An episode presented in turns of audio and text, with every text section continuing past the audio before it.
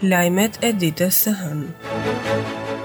Ish presidenti Bujar Nishani nuk e ka përjashtuar si mundësi që lëvizja e Sali Berishës të ketë ardhur për interesa personale pas përjashtimit nga grupi i Partisë Demokratike, por është i bindur se kjo i shërben partisë.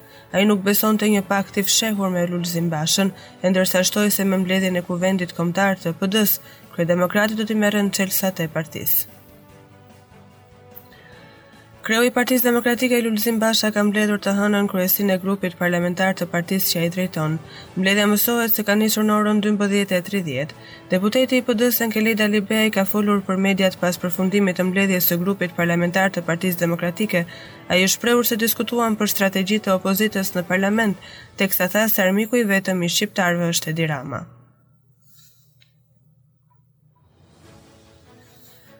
Akademia e Shkencave ka publikuar sot studimin për koronavirusin dhe përhapjen e tij në vendin tonë.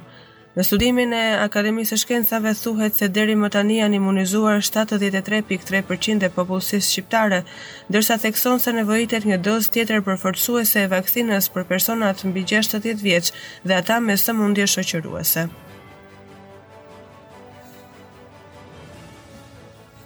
Ministrja e Shëndetësisë Ogerta Manastirliu thotë se tashmë çdo universitet i Shqipërisë ka nisur vaksinimin anti-Covid për studentët dhe pedagogët. Në prag të nisjes së universitetit, Manastirliu thotë se ky proces po bëhet për të patur një garanci më shumë për vitin e ri akademik. Ish zyrtari i LSI-së Ilir Dashi është ndarë nga jeta në mënyrë të parakohshme në moshën 65 vjeçare. Lajmin e ka bërë me dije ish kolegë dhe miq të tij, të cilët kanë shprehur keqardhjet dhe ngushëllimet e tyre për ikjen nga jeta të Dashit. Për ndarjen nga jeta të Ilir Dashit ka reaguar edhe presidenti Ilir Meta, i cili i ka shprehur ngushëllimet familjarëve ku thekson se është i prekur thellë nga humbja e parakohshme e mikut të tij. Prokuroria e Lezhës ka mbyllur hetimet për pesë persona të cilët akuzohen për abuzim seksual ndaj një 15 vjeçareje. Hetimet janë mbyllur për Artan Kaçorrin 31 vjeç, Albert Molla 44 vjeç, Ermal Tarazhi 30 vjeç, Nike Lleshi 44 vjeç dhe i mituri me iniciale AG 17 vjeç.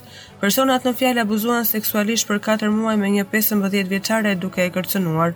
Autorët e abuzimit janë nën masën arrest me burg. Lajmet e ditës së martë. Partia Demokratike ka reaguar pas publikimit të raportit të fundit të Eurostat ku tregohet përkeqësimi i mundësive që kanë shqiptarët për të kryer analizat e duhura shëndetësore. Deputeti Albana Vokshi shkruan se shëndetësia e falas është një mashtrim dhe dështimi më i madh i Edi Ramës. Kreu i PD-së Lulzim Basha gjatë mbledhjes me kryesinë e grupit parlamentar ku bëjnë pjesë kryetarët e komisioneve ka dhënë orientimet dhe piketat ku do të fokusohet aksioni i opozitës. Në këtë mbledhje Basha ka porositur deputetët e tij se kryefjala e çdo fjalimi të tyre duhet të jetë masakra zgjedhore. Armando Subashi, kryetari i Bashkisë së Fierit, është vënë nën akuzë nga Kontrolli i Lartë i Shtetit. Nga raportet e përpiluara nga KLSH janë mbi pesëmbëdhjetë milionë euro abuzim me fondet publike, ndërsa mësohet se dosja e Subashit është bërë gati për SPAK. Është publikuar ditën e martë rregullorja e Policisë së Burgjeve. Bëhet me dije se në rregullore përcaktohet se policët e burgjeve e kanë të ndaluar të përfshihen në parti politike. Gjithashtu thuhet se u ndalohet që të kenë komunikime me familjarët e të dënuarve apo të kenë kontakt me persona të inkriminuar. Shkelja e këtyre rregullave për efektivët do të ketë ndëshkim me gjobë deri në përjashtim nga puna. Urdhri është firmosur më tetë shtator nga ish-ministrja e Drejtësisë, Etilda Gjonaj.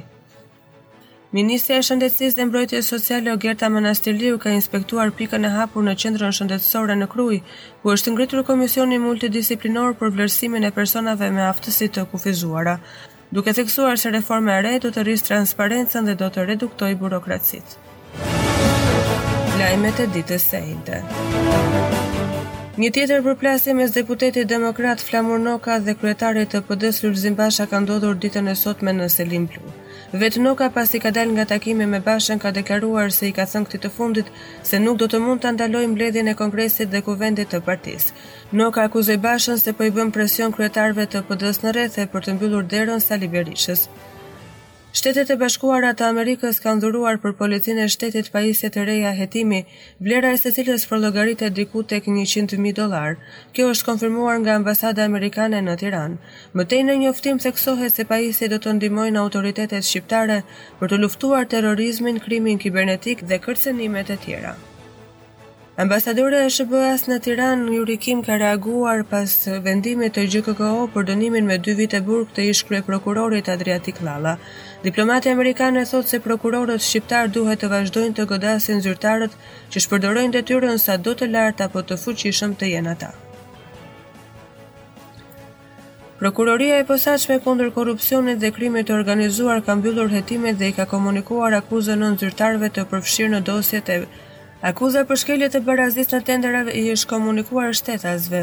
Edlira Naqellari, ish drejtoresha e Agjencisë së Blerjeve të Përqendruara, si dhe anëtarëve të njësisë së prokurimit Flutura Çekrezi, Ani Ymeri, Klevis Hasani, Anëtarët e Komisionit të Vlerësimit të Ofertave, Kreshnik Bekaj, Fatmir Demneri, Mariglen Buzali dhe Gëzim Mingaj, zyrtarët dyshohet se kanë bashkëpunuar me njëri-tjetrin në kryerjen e disa shkeljeve për tenderin me vlerë 2.8 miliardë lekë. Skandali u denoncua në SPAK nga ish-deputeti i opozitës Myslim Murrizi. Një shtetas shqiptar është arrestuar nga policia e Tiranës pasi ndihmoi shtetasin turk Faruk Fatih Ozer, i cili kërkohej nga autoritetet në kuadër të hetimit të kryer kundër shërbimit të kriptove Todex. Uniformat blu bëjnë me dije se në pranga ka rënë Edvaldo Haxhiu dhe akuzohet për mbështetjen e turkut Faruk Fatih Ozer. 4.803 hektar të shkrumbuara është bilanci i zjarreve që pushtuan Vlorën këtë verë. Kjo u bë me dije nga prefekti i qarkut të Vlorës Flamur Mamaj i cili vuri theksin tek mungesa e mjeteve për të përballuar zjarret. Sipas Mamaj zjarrfikësit nuk kanë veshje të përshtatshme për të luftuar me flakët, Po ashtu ai u shpreh se mungon edhe sistemi i monitorimit dhe njoftimit të hershëm për vatrat e zjarrit, duke çuar në hapjen e flakëve. Lajmet e ditës së enjte. Kuvendi i Shqipërisë u mblodh ditën e enjte në seancën plenare ku rendi i ditës u shqyrtua projektvendimi për përcaktimin e përbërjes së komisioneve të përhershme të Kuvendit, si dhe caktimi i anëtarëve zëvendësues në përbërjen e komisioneve të përhershme të Kuvendit. Kreu i grupit parlamentar i Partisë Socialiste Taulant Balla deklaroi pas seancës së sotme plenare se mazhoranca dhe opozita kanë rënë dakord në konferencën e kryetarëve për vaksinimin e detyrueshëm të të gjithë deputetëve. Sa i përket zhvillimit të mbledhjeve të komisioneve online për shkak të pandemisë, ai tha se do të ketë edhe mbledhje tradicionale, por se kuvendi duhet të japë i pari mesazhin e kujdesit ndaj jetës. Gjatë seancës plenare, kryetari i grupit parlamentar i Partisë Demokratike Alfred Rushaj e cilësoi si antikushtetues vendimin e marrë nga grupi parlamentar i Partisë Socialiste për të zhvilluar punimet nëpër komisione online dhe jo në prani fizike. Rushaj theksoi se një hap i tillë ndërmerret kur vendi ndodhet në një gjendje të jashtëzakonshme. Ka nisur me një minutë heshtje Kuvendi i Shqipërisë në nder të minatorit Muharrem Plak që humbi jetën në minierën e Bulqizës si dhe për të gjithë viktimat e tjera. Ishte deputetja e PD-së Dhurata Çupi ajo që me nisjen e Kuvendit kërkoi një minutë heshtje dhe që u pranua nga kryeparlamentarja Lindita Nikolla. Sekretari i Përgjithshëm i Partisë Demokratike Gazmend Bardhi është shprehur se tre krerët e grupeve parlamentare do të mblidhen për të marrë një vendim se cili do të jetë komisioni i opozitës, në një kohë kur janë shprehur kundër mbledhjeve online të komisioneve parlamentare. Kjo sipas Bardhit po bëhet me qëllim që t'i mbyllet goja opozitës. Lajmet e ditës së premte.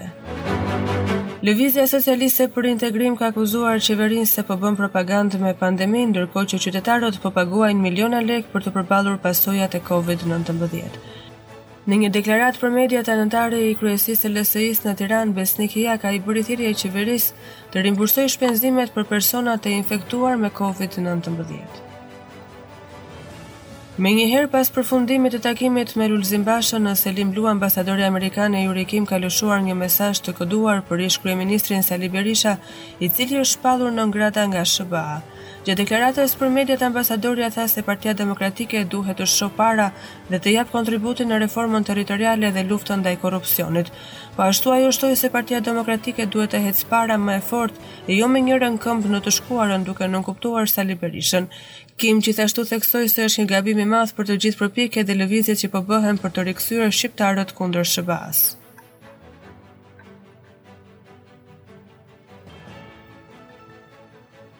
Gjykata e Posaçme e Apelit ka vendosur të rihapë çështjen e ish-ministrit të Mbrojtjes Fatmir Mediu për shpërthimin e Gërdecit ku humbën jetën 26 persona në vitin 2009.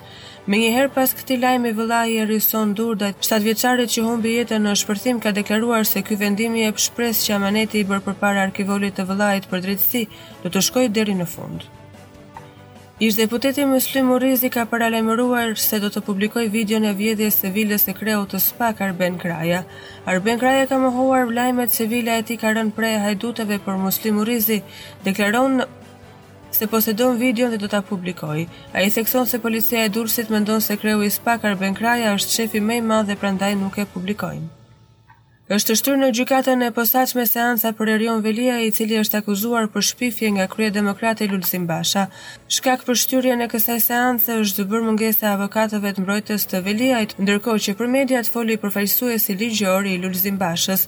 Ai tha se Veliaj nuk i ka paraqitur qëllimisht avokatët pasi nuk ka asnjë argument ligjor dhe provë për të justifikuar shpifjet e tij. Lajmet e ditës së shtunë. Një vajzë ka mbetur e plagosur mesditën e së shtunës në Vlorë, ngjarje e ndodhur kjo pranë poliklinikës së qytetit. Policia bën me dije se ka arrestuar të riun që ka qëlluar me armë zjarri ndaj saj në mes të lokalit. Të njëjtat burime bëjnë me dije se i riu ka hedhur një granatë në lokalin ku ndodhi plagosja. E reja është dërguar me urgjencë në spitalin e Vlorës, ndërkohë që gjendja e saj paraqitet e qëndrueshme.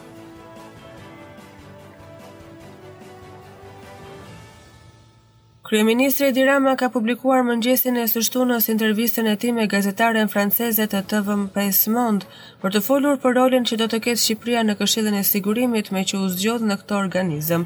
Kujtojmë se një javë më parë presidenti Macron tërhoqi ambasadorët nga Uashingtoni dhe Sidney pasi Australia prishi në mënyrë të njëanshme kontratën me Parisin për nëndetëset dhe lidhi atë me SHBA-në dhe Britaninë. Franca e konsideroi pabesi një veprim të tillë dhe çështja duket se ka hyrë në kanale diplomatike për t'u zgjidhur. Një vend i vogël si Shqipëria buzëqeshi kur u pyet për këtë debat, pavarësisht se çështja në Francë është shumë sensitive. Kryetari i Këshillit Kombëtar i PD-së Edi Paloka ka reaguar ndaj thirrjes së ambasadores Kim, e cila tha se PD-ja duhet të shohë nga e ardhmja pa një këmbë të ngecur në të shkuarën. Përmes një postimi në Facebook ai ka renditur disa arritje të kësaj force politike, të cilat sipas tij nuk duhet të harrohen dhe duke bërë që çdo demokrat të ndihet krenar.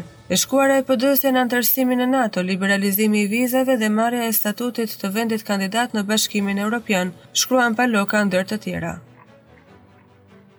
Ish kryeministri Sali Berisha ka zhvilluar takimin e radhës në qytetin e Vlorës. Ai ndër të tjera është shprehur rreth Open Balkan, për të cilin Partia Demokratike dhe kryetari Lulzim Basha nuk kanë mbajtur asnjë lloj qëndrimi, është shprehur ai. Ai tha gjithashtu se nuk mund të ishte i djathtë ai që nuk është patriot dhe akuzoi Bashën se heshtja e tij në lidhje me këtë çështje vinte si rezultat i pajtimit me programin e Sorosit. Lajmet e ditës së diel. Qindra simpatizantë janë mbledhur para Pallatit të Kulturës në Vlorë, aty ku ishte kryeministri Sali Berisha dhe mbajti foltoren e radhës. Mes tyre ishte ish-presidenti Bujar Nishani dhe deputeti Bujar Leskaj, me këtë të fundit që mban edhe postin e drejtuesit politik të PD-së në Vlorë. Gjithashtu në takim mori pjesë edhe kreu i PD-së së Vlorës, Genc Deromemaj, dhe ish-deputeti Dashamir Tahiri. Berisha po i zhvillon foltoret me anëtarët e Partisë Demokratike me qëllimin e mbledhjes së Kuvendit Kombëtar, me anë të të cilit synon të rikthejë referendumin dhe të shkarkojë Lulzim Bashën ndaj të cilit ka hedhur akuza të forta për marrëveshjen me kryeministrin Rama. Ish-kryeministri Sali Berisha ka siguruar anëtarësinë e PD-së se çdo gjë negative dhe shqetësim që i dërgonin ia përcillte Bashës. Ai tha se deri tani nuk ka gjetur një njeri të larguar që t'i ketë thënë se s'më gënjeu kryetari i PD-së. Berisha thekson se kjo taktikë krijon konfuzion të madh në drejtim dhe PD-ja duhet t'i rikthehet vlerave dhe standardeve. Ish-kryeministri Sali Berisha po zhvillon foltore në Vlorë, ku fjalën ka mbajtur edhe aktivistja shqiptare në Amerikë Evi Kokalari.